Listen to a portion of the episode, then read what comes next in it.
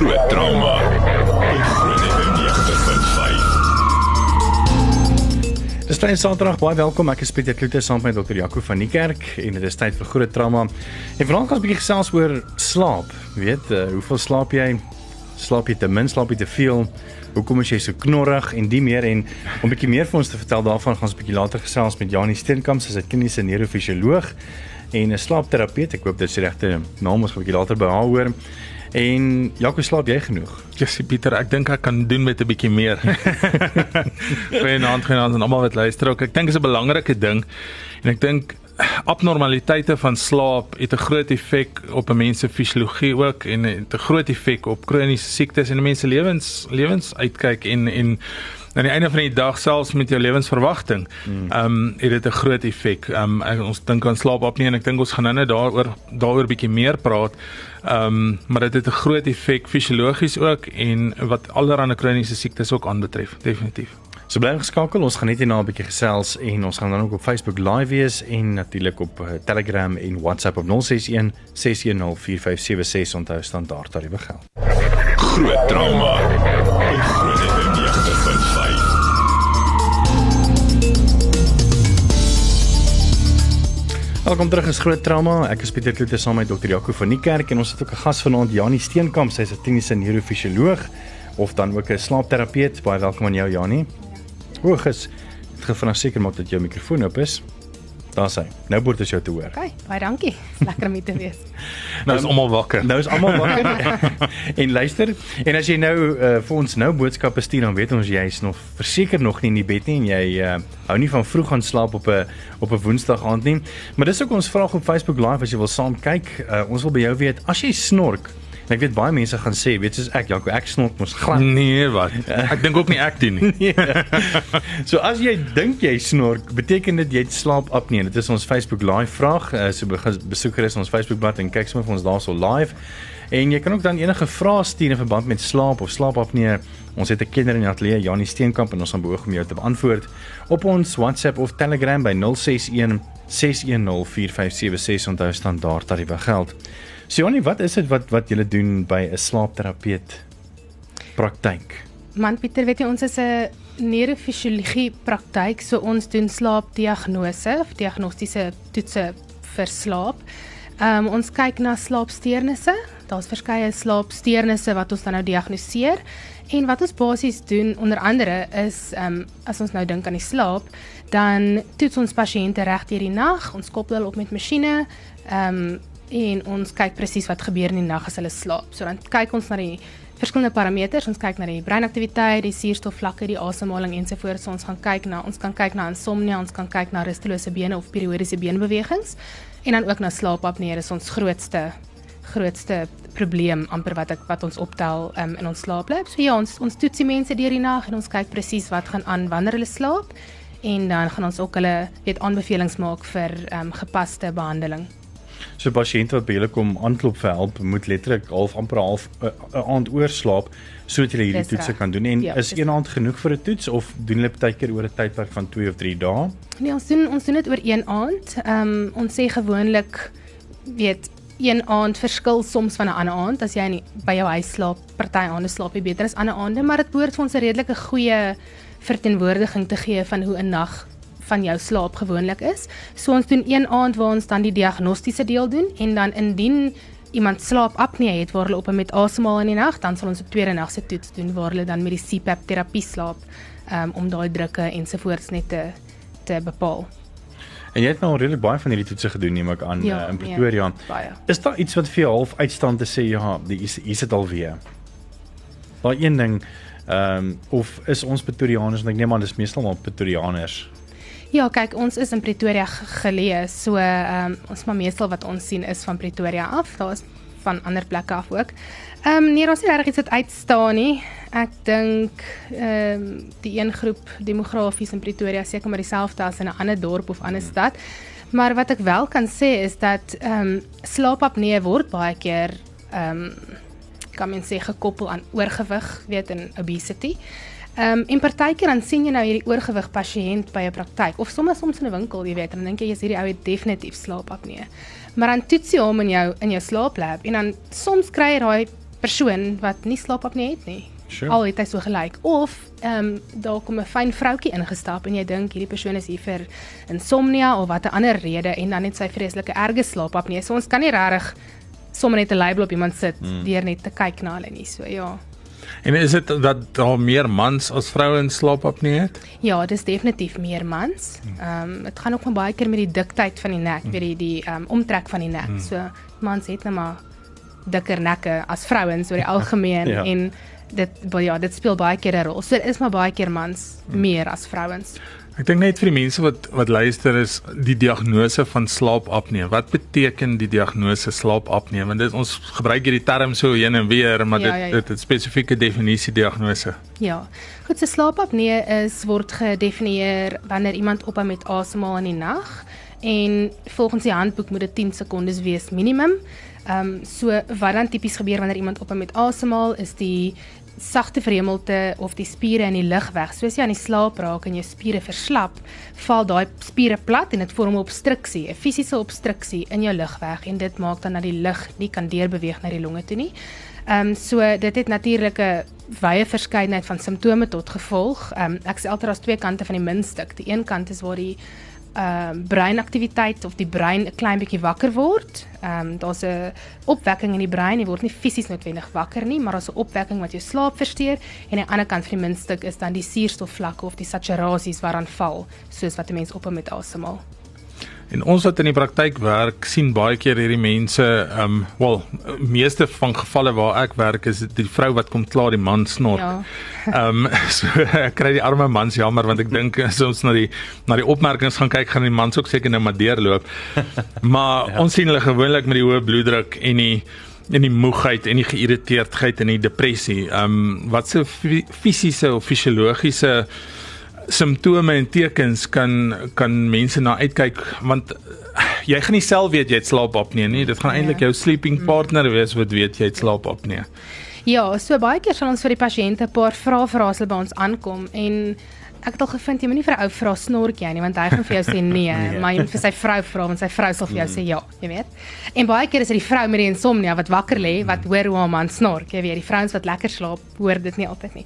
In elk geval so die simptome waarna ons kyk, ehm um, soos ek gesê het, die een kant is die brein wat wakker word, die ander kant is die suurstofvlakke wat val tydens 'n apnee. So dan die simptome wat gebeur is, as jy kyk na jou slaapargitektuur, jou slaapstadiums waardeur jy moet gaan deur die nag.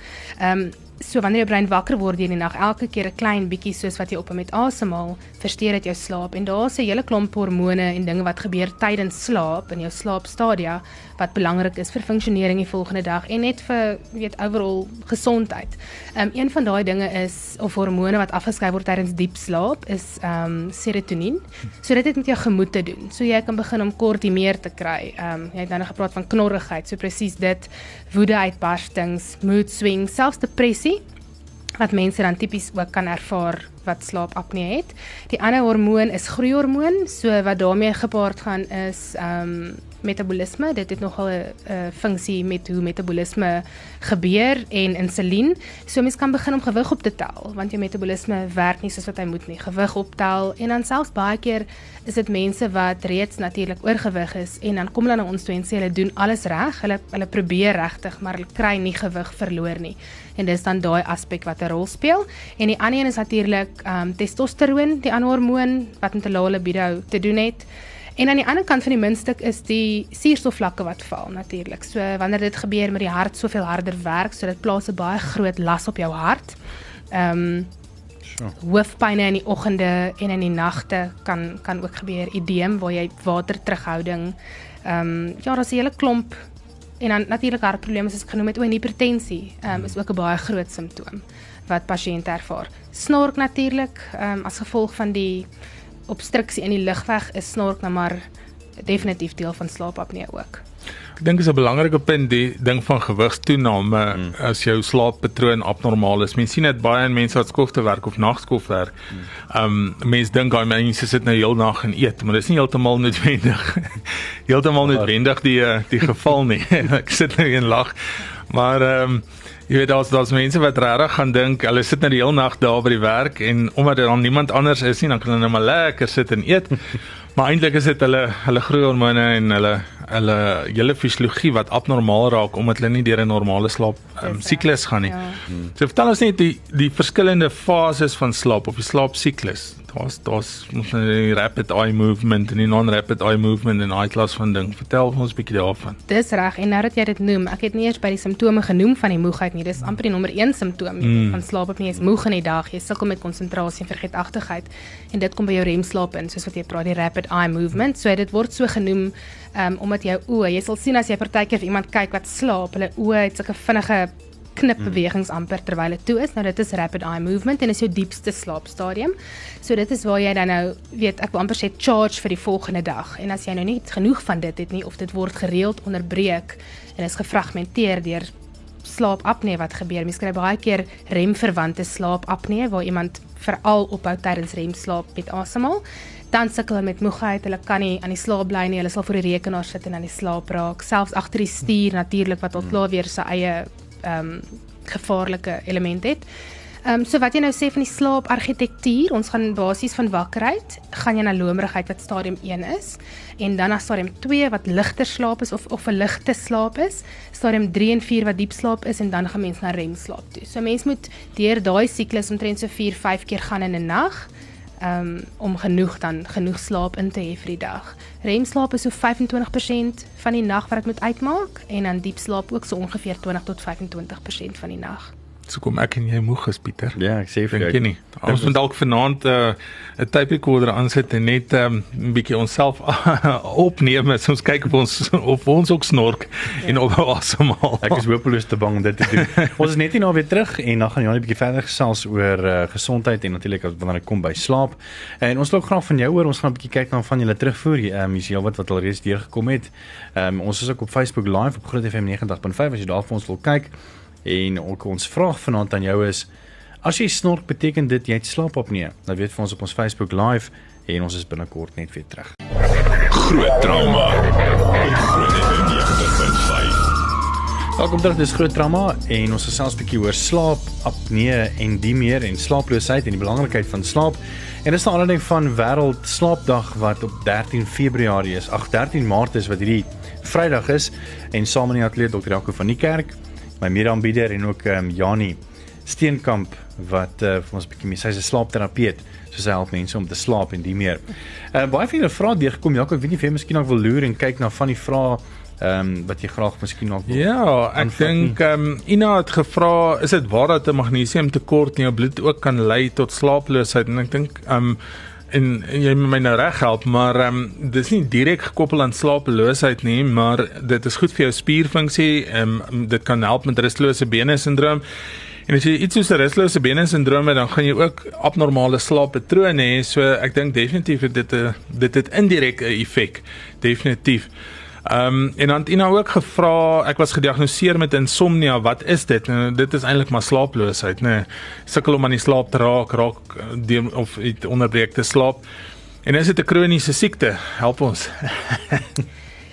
Jong, ehm um, dit dit kan kronies wees, maar ons probeer om dit te vang, nee, voor dit kronies is. Meeste mense gebruik slaapmedikasie kronies hmm. en dit is eintlik nie hoe dit veronderstel is om gebruik te word nie, jy weet, vir insomnia. nie. Dit is 'n groot probleem by ons, jy weet, want ehm um, ek spot altyd en sê dit is vir my baie snaaks dat daar nog mense rondry in Pretoria se strate want die helfte van hulle moet in die bed wees besig om te slaap na hulle slaappilletjies. Want ek wil amper vir jou sê amper die helfte van mense wat jy kom sien sê hulle sukkel om te slaap en hulle soek ietsiekie vir slaap. En wat sleg is, ons gebruik 'n groep middels wat die benzodiazepine is um oor die algemeen en 'n mens bou toleransie op daarvoor. Hmm. So dit help aand 1, aand 2, selfs tot in die eerste week. Hier by week 2, week 3 dan begin dit al hoe minder werk. So wat gaan nou gebeur? Jy gaan weer slaaploosheid, jy gaan weer sukkel om aan die slaap te raak. So een van twee dinge gaan gebeur. Jy gaan terug aan dokter toe en sê daai pil wat jy opgeskryf het is gemors of jy gaan twee drink van hom. Hmm. En so word dit 3 en 4 en 5. Ek het nou die dag 'n pasiënt gesien wat amper op 11 slaappilletjies per dag of Sjoe. om aan die slaap te raak. Jy weet en dan word sy in die middel van die nag wakker, is dis 'n dame en dan word sy in die middel van die nag wakker en dan moet sy weer drink. Ehm um, nou wat is die verskil tussen afhanklikheid en en toleransie? En dis 'n baie moeilike ding, né, nee, want vat dit weg van hulle dan onttrek hulle. So hulle is eintlik afhanklik daarvan. Maar jy bou ook 'n toleransie op, so jy het meer nodig om dieselfde effek te kry. So in effek is dit eh, beter om 'n slaappatroon te vestig en en um meer gesonder alternatiewe te soek om jou slaapsiklus en jou slaappatrone reg te kry eerder as om om vinnig na 'n pil toe te te te gaan. Want aan die einde van die dag, um ek wil amper sê na 'n maand op 'n op 'n slaappil kan jy net sowel of los of jy gaan 'n toleransie opbou. Hmm. Dit is heeltemal reg, ja. Nee, definitief, dit is nie dit was nie gemaak om om kronies of dit is nie daar om kronies veronderstel gebruik te word nie. Hmm. Dit is daar om om jou te help deur die tydperk of deur die proses waar mens die oorsaak identifiseer van insomnia of van slaaploosheid want dit is nou eintlik die ding, daar's iets spesifieks wat maak dat jy sukkel met insomnia, wat sukkel met slaap. Ehm um, so ja, dis veronderstel om dalk vir jou te help deur daai tydperk terwyl jy al behandeling kry om die oorsaak aan te spreek van die insomnia. Dan het ehm um, Tia gevra, snork ek omdat ek oorgewig is en sal ek ophou snork as ek maarder is? Hmm, baie interessant. Kyk, gewig het 'n baie groot ehm um, effek op slaapapnee. Ehm um, Ja, as jy gewig verloor, sal jy eksponensieel weet jy slaapapnee verbeter as jy slaapapnee het en snork het. Ehm um, maar dis nie noodwendig nie, dit kan ook met anatomie te doen hê, weet jy jy dalk 'n lang nek of 'n weet 'n dun 'n dun lugweg kan mens maar sê. So daar is ook anatomie wat ter sake is. Dis nie noodwendig te sê okay, jy's nou oorgewig en dit is die rede daarvoor nie, maar mense wat oorgewig is en die probleme het definitief as jy gewig sou verloor, sou dit definitief 'n verbetering weet teweegbring. Hmm. Ehm um, ek sou sê om om te sien of dit heeltemal weg is, sal mens dalk eerder wil toets en kyk, jy weet, maar ehm um, dit sal definitief 'n verbetering bring. Dit behoort. Dan het Suzette gesê, "Goeienaand, baie dankie vir 'n interessante onderwerp. Uh, my man snork baie. Ek sê mos nou vir jou die die, die dames gaan vir ons sê. Hy hou op asemhaal ehm um, 6 tot 7 sekondes baie gereeld deur die nag. Ehm um, hy's effens oorgewig, kroniese medikasie wat hy in groot dosisse of hoë dosisse van psigiatriese medikasie ook gebruik. Ehm um, en ek sien nou die name wat sy hier sit en een van hulle is Zopiwyn wat 'n slaappil is. Hmm. Tweede een is Baldoxin wat 'n antidepressant is, maar wat wat eintlik in die aand gebruik word omdat dit op melatonien werk. Um obviously Depakool en Camcolet. So dit is alles goed wat ook 'n effek kan hê op 'n mens se slaappatroon en hoe diep jy slaap. Ehm um, en sy haar vraag is eintlik sal gewig verloor enigstens help met sy apnee? En die antwoord dink ek het ons net gegee dit kan definitief 'n verskil maak.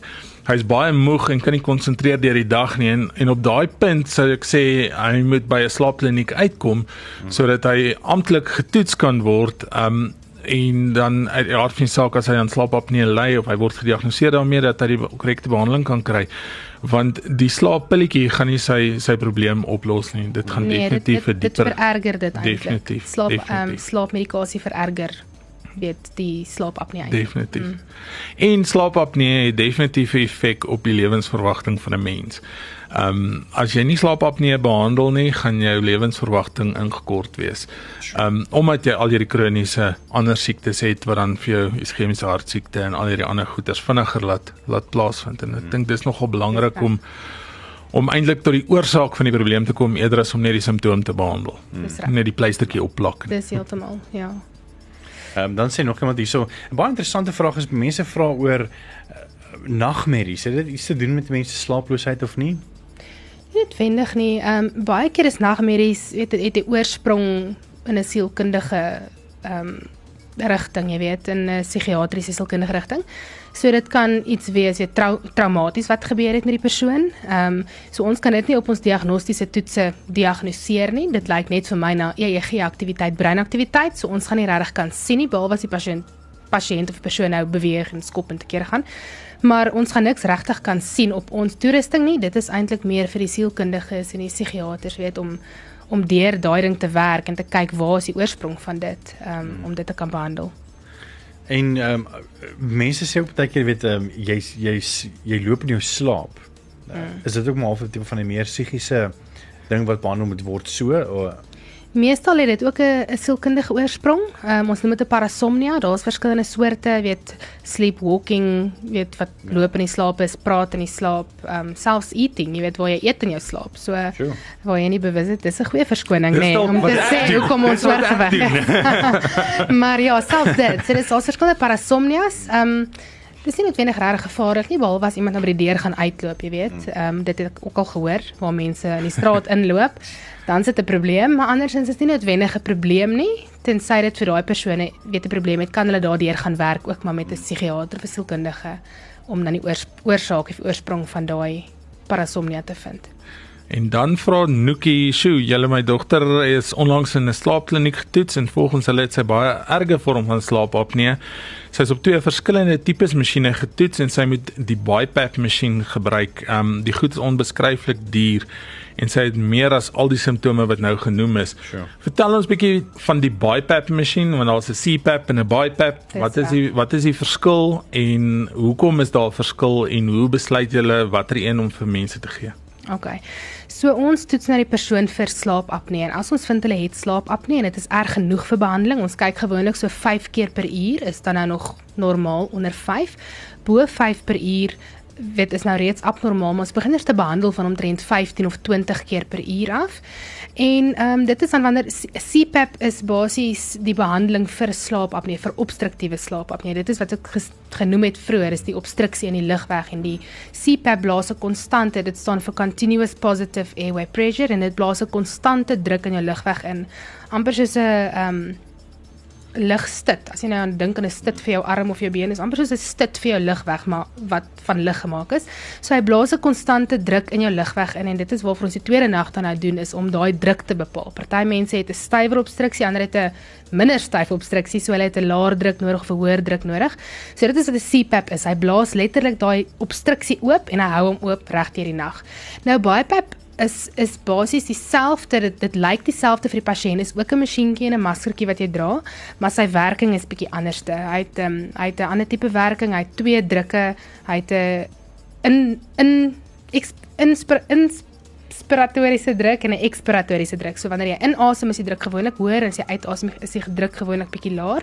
En dit kan inkom by snaakse kondisies weet dit is dalk ehm um, mense met longprobleme of ehm um, selfs iets wat ons nogal deesdae ons het nooit nie maar deesdae voel dit vir my meer gereeld. Dis chain stokes asemhaling jy weet waar mense hartversaking het en as gevolg van die hartversaking kry hulle dan nou weet hierdie tipe asemhalingspatrone so waxing and waning noem ons dit. So dit gaan geleidelik op en geleidelik af. So dit het definitief 'n ander soort behandeling nodig. So dis nie die die masjien manier hoe die masjien funksioneer of werk is eintlik net 'n klein bietjie anders. Ehm um, want soms jy kan nie net 'n CPAP gebruik en net lug inblaas vir 'n persoon wat byvoorbeeld nie kan ordentlik uitasem nie, dan gaan jy hom opblaas basies. So ehm um, ja, dit hang maar af van die kondisie van die persoon of die die probleem wat die persoon het onderliggend, maar dit is ja, daar's verskillende soorte. En nog 'n ding is ook vir sentrale apnee gebruik mens baie pep ook baie keer. Sentrale apnee waar ons nou obstruktiewe apnee gekry het, kry ook 'n sentrale apnee. So dit is waar die brein, die boodskap van die brein af nie mooi by die asemhalingsspiere uitkom nie. Met ander woorde, daar's geen effort nie. Met 'n obstruktiewe apnee is jou lugweg toe, maar jou bors probeer nog asemhaal. Hy sal nog op en af beweeg. Al kom daar niks in nie. Met 'n sentraal is daar net geen effort ook nie. So dan het jy die BiPAP terapie nodig daarvoor. Net gou van tenslotte net vir ons eh, 'n uh, breek gaan vat uh, en dan gaan ons by Jaco se vraag aan jou kom. Ehm um, die BiPAP en die CPAP masjien, hoe bepaal 'n mens dat daar nie te veel lug ingaan nie want weet dit kan natuurlik veroorsaak dat dit ook in jou maag ingaan want jou maagvolbas nag jy natuurlik wil wil opgooi en die meer. Yes. Nee, kyk, dit is hoekom ons die tweede nag se toets doen. Spesifiek is om die druk te bepaal, soos ek genoem het. So ons gebruik 'n outomatiese masjien die tweede nag wat self die drukke ehm um, reguleer kan jy maar sê soos iemand dan dit is baie slim masjiene deesdae so wanneer al iemand op met asemhaal tel hy dit op en hy gee 'n bietjie meer druk. As hy weet nie as daar nie apnees is nie dan gee hy vir jou 'n bietjie minder druk en so bepaal ons presies by watter druk was die optimale druk wat die apnees weggevat het en die suurstofvlakke mooi konstant gehou het. En dan hoor ons ook die volgende oggend by die pasiënt weet hoe het jy gevoel? Hmm. voel jy beter? Weet het jy 'n droë keel gekry en en dis meer? So ons ons kan dit nogal daar so be bepaal op daai manier. Ehm um, en dan ook dit is belangrik om nie 'n te hoë druk te gee nie. Partykeer sal iemand sê nee, die oom is dood en hy het hulle het nou daai persoon se masjien gekry, jy weet, want hulle dink nou dit slaap op nie, hulle gaan die oom se masjien gebruik. En dit is nie noodwendig, jy kan, maar jy moet eers kyk wat jou drukke is, want dit is baie spesifiek van persoon tot persoon, jy weet. So as die druk te hoog is vir die persoon, dan kan jy ook sentrale apnees veroorsaak. So dit is belangrik wat jy sê, jy kan nie net sommer Net, weet, eh, dink- maar die persoon sal ook ongemaklik voel in elk geval. Ek dink as die druk te hoog is vir 'n persoon, sal hy baie vinnig vir jou sê, jy het hy's weggeblaas in die nag en dan pas ons die drukke vir hom aan om om te kyk dat hulle meer gemaklik is. Janie Steenkamp en ons praat oor uh, slaap. Die belangrikheid daarvan ons is net nie naby terug. Ons is ook op Facebook live. Uh, jy kan daar ons vraag gaan beantwoord. Ons vraag aan jou is ehm um, as jy snor beteken dit jy het slaapapnee. Jy kan ook vir ons jou vrae stuur via Telegram of WhatsApp by 061 610 4576 en onthou standaard tariewe geld. Groot trauma. Groot FM 90.5. Welkom terug. Ons sluit vanaand se program af uh, in ons laaste segment oor slaaploosheid en ons het vir Janie Steenkamp hierso, sy's 'n slaapterapeut en ook dokter Jaco van die kerk. Jaco het al baie vrae deur gekom het. Ja, ek is beïndruk dat die mense so bekommerd is oor slaap, nê. Nee. Ek sien hier Quentin vir ons 'n uh, 'n foto ook gestuur van hom op met sy slaapapnee of CPAP um, masker aan. Hy sê ek slaap soos 'n baba vandat ek op my CPAP slaap. Mm, dis so dis ongelooflik. Mm. Ehm um, ek dink ons het ook hier 'n uh, gehad van John Drey wat sê my vrou het my al een of twee keer wakker geelmboog mm. en gesê ek het vir 'n rukkie nie asem gehaal nie, moet ek dit maar laat uitcheck en so ek dink John Drey, die antwoord het jy definitief. Ehm um, moenie jou vrou opgestres maak oor jou ophou asemhaal nie. Ja. kan 'n mens letterlik doodgaan in jou slaap, nê? Nee, so as as jy nou of is 'n mens se liggaam net so dat jy jouself gaan wakker skrik omdat jy nie asem kry nie. Ja, weet jy, dit is hoekom jou brein ehm um, weet homself wakker maak. Dit is hoekom mense dan daai opwekking het in jou brein. Jou brein word wakker veral van die van die hipoksies. Hipoksia, soos ons nou van gepraat het, ehm um, die suurstofvlakke wat val. So die brein word wakker en hy weet hy laat jou dan wakker word om weer asem te haal. Ehm um, ek seker daar was al gevalle waar mense dood gegaan het in hulle slaap, ehm um, as gevolg van slaapapnee, maar dit jy jy sal gewoonlik wakker word. Ons het pasiënte wat partykeer tot 2 minute aan een ophou met asemhaal ja. en tog weer begin asemhaal, verstaan? Ehm um, alhoewel die suurstofvlakke dan val, weet ek het nou interessant op op die Facebook ehm um, gesien dat uh, Bets Ferreira sê sy het slaapapnee as gevolg van 'n gewas op die brein. Ehm sure. um, en sy het deur 'n slaaplab getoets en ek neem aan dis die sentrale vorm dis van die sentrale ja. vorm van slaapapnee. En ehm um, ek dink as 'n mens daaraan dink, dit dit kan nogal 'n gevaarlike vorm van slaapapnee wees, ja. dink ek definitief. En dan nog 'n belangrike punt wat aangeraak is, is slaappille in die in die voorskrif daarvan en Alfreda sê die volgende Hallo Pieter en almal wat daar kuier. Hallo uh, dis al hierso. Ek ehm um, sukkel om te slaap, maar my probleem is my brein skakel nie af nie. So ek het 'n spesiale pilletjie, nie 'n gewone slaappil wat ek drink. Maar ek het eendag gehoor van iemand wat vir iemand 'n slaappil aan mm. aangebied het.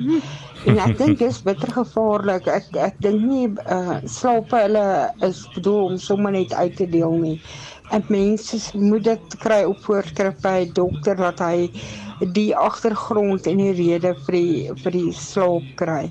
100% reg. Jy kan mos dit doen nie, Jaco. Nee, dis 'n ongelooflike slegte praktyk, jy weet en en ek het nou nog gepraat van van toleransie ook. En wat ons baie keer doen is ons weet mos nou wanneer het ons die laaste voorskrif vir iemand gegee en jy gee nou net 30 pilletjies vir die volgende maand. Hmm. Nou kom die persoon agter, ehm um, nee, wat een werkie mee nie, ons moet nou na 2 of 3 toe gaan en na op dag 10 van die maand is hy pille op. So wat gaan hy nou doen? Hy gaan of by 'n maatjie kry of hy gaan na 'n ander dokter toe gaan en daai is baie baie slegte praktyk. Ehm um, so dit raak gevaarlik ook. Ehm um, ons het nou-nou gehoor dat ehm um, slaap hulle eintlik slaapapnee en baie van die slaap abnormaliteite kan vererger eerder as om dit te verbeter. Ehm um, en ek weer eens sê ek dink nie ek is nie 'n voorstander van 'n slaappil nie. Ehm um, en ek dink min van my kollegas is.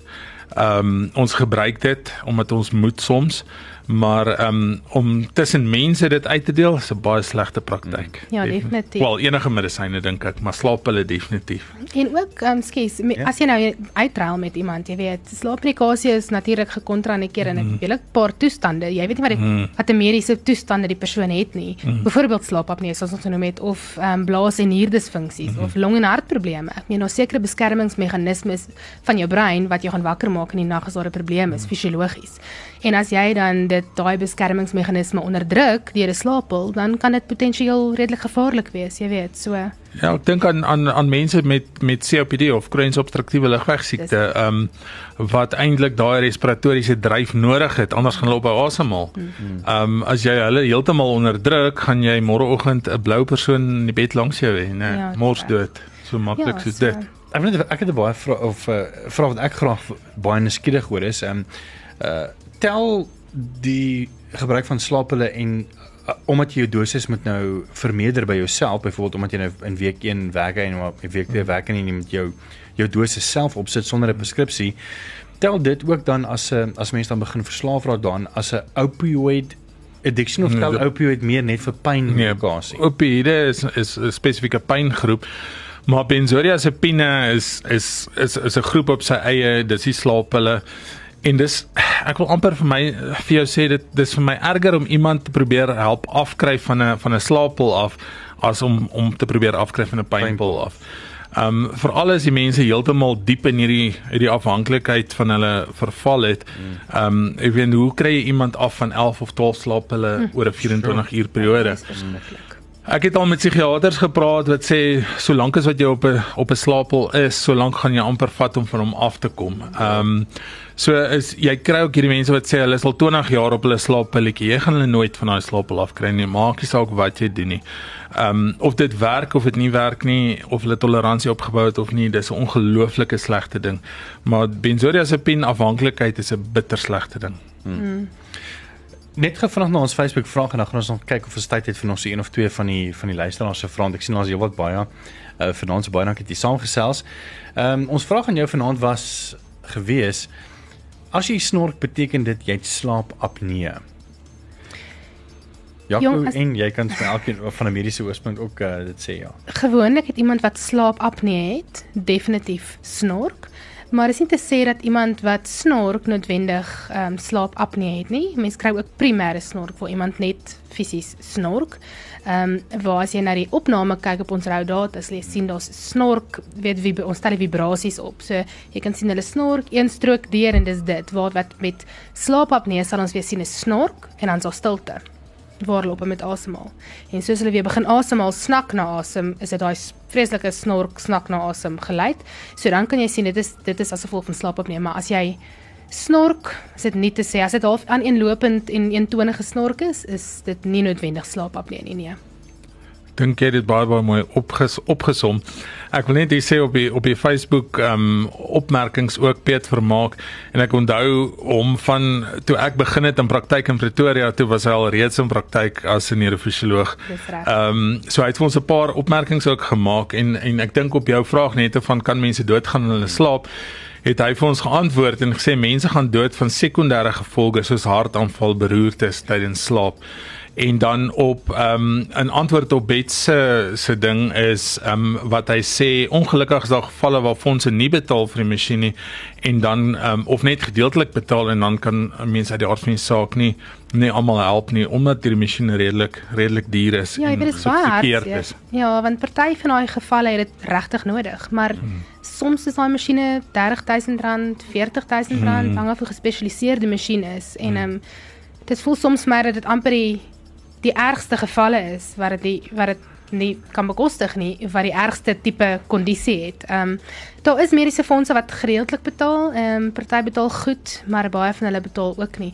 CPAP word bietjie meer weet ehm um, gecover, so hulle sal bietjie meer 'n CPAP betaal, maar daai BiPAPs is nogal is nogal duur, ja. Ek dink net dit is dis so belangrik want deur daai R40000 vir jou Ja. ja. BiPAP masjien te betaal byvoorbeeld gaan jy soveel ander siektes voorkom. Um hoeveel jaar gaan jy met hipertensie loop en met um jy weet al hierdie ander sekondêre probleme wat jy dan nou kry of komplikasies wat jy kry wat wat duur mediese behandeling nodig het vir die res van tyd waar jy eintlik dit voorkomend kon behandel maar 'n groot probleem van ons in Suid-Afrika is en ek dink eh, dit gaan nie net op slaap nie maar alle alle siekte toestande is die fondse is nie of die mediese fondse is nie gerig op op voorkomende medisyne nie. Hulle is ge, ge, meer op terapeutiese medisyne. So ons in ons land baie van ons wag tot die probleem gebeur het, dan wil jy hom regmaak eerder as om te voorkom en ek dink dis 'n groot probleem en ek weet nie of dit in ons leeftyd en of ons praktykvoeringstyd gaan gaan verander nie. Ja,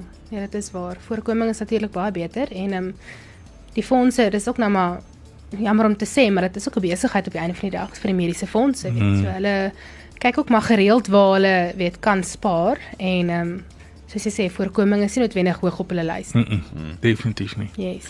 Ek gaan afsluit met net nog so een of twee vrae. Uh, Johan het wou sê, wat is wat is dit as ek sukkel om te slaap, dan is ek nog wakker 2 uur in die oggende, soms tot 4 uur en dan staan ek eers weer 6 uur op. Uh dis net maar meer 'n sukkel om te slaap, lyk like dit vir my. Ja, weet jy mense kry twee tipes ehm um, as ons nou diagnoseer op ons rou data kyk ons na 'n slaapaanvangsinsomnia en dan 'n sleep maintenance insomnia. Nou slaapaanvangs is tipies die een wat sukkel om aan die slaap te raak. So hy lê wakker vir ure en dan raak hy aan die slaap en dan slaap hy. 'n Sleep maintenance is, is dat hy nie noodwendig sukkel om aan die slaap te raak nie, maar wanneer hy slaap, raak hy gou weer wakker en dan sukkel hy weer aan die slaap te raak of sy hy of sy. Mm. In elk geval en dan ehm um, sal ons baie keer ook sien in daai tipe gevalle waar mense sukkel met sleep maintenance is dat hulle baie keer 'n hoë persentasie beta aktiwiteit in hulle brein aktiwiteit het in hulle EEG aktiwiteit. So ons kan tipies sien dis 'n vinnige breinaktiwiteit. Hmm. En ons kan dit ook sien wanneer mense in diep slaap is, dan sien jy die vinnige beta aktiwiteit half ry op die stadige golwe van diep slaap as ek dit so kan verduidelik. En dit veroorsaak spontane ehm um, opwekkings in die nag. Ehm um, selfs partykeer mense wat soos jy nou vorige 'n voice note het gesê sy sukkel om af te skakel besige brein, so dis presies dan daai beta aktiwiteit. En dan ook dit gee partykeer vir mense die persepsie dat hulle nie geslaap het nie. So ons sal partykeer iemand kry wat sê ek het glad nie geslaap nie. Maar as jy dit gaan analiseer, dan sien jy daar was 3, 4, 5 ure se slaap en dan sal hulle met jou stry, maar dit is daai persepsie van die beta aktiwiteit wat maak dat hulle dan nou voel hulle het glad nie geslaap nie. Ehm um, maar ja, daar's ook medikasie wat dit kan behandel maar dit weer eens verkieslik korttermyn en ons hou nogal daarvan om eerder terapeutiese behandelings voor te stel soos neurobiofeedback of ehm um, kognitiewe behandeling en wat die neurobiofeedback doen dit is breintraining basies en dan leer jy die brein om minder van daai beta frekwensie te maak en minder van die gewenste frekwensie. So dit is 'n paar sessies gewoonlik wat 'n mens doen, maar jy kan jou brein leer om af te skaal van daai beta aktiwiteit en dan makliker deur die nag in die slaap te bly. Dis alwaar van ons tyd het vanaand Janie steek aan baie dankie dat jy ingekom het. Dit gesels oor ehm um, oor slaap en die belangrikheid daarvan want uh, Vrydag die 13de uh, Maart is wêreld slaapdag en dankie ook aan jou dokter Jaco van die kerk. Ek weet jy wou ook nog 'n paar goed gesê het, maar eie ons tyd is al hier is verby. Klaar hier. Ai man, ons moet nou gaan slaap. ja, ons moet nou gaan slaap. Bly skakel vir die groot ontbyt môre uh ja, môreoggend om 5:30.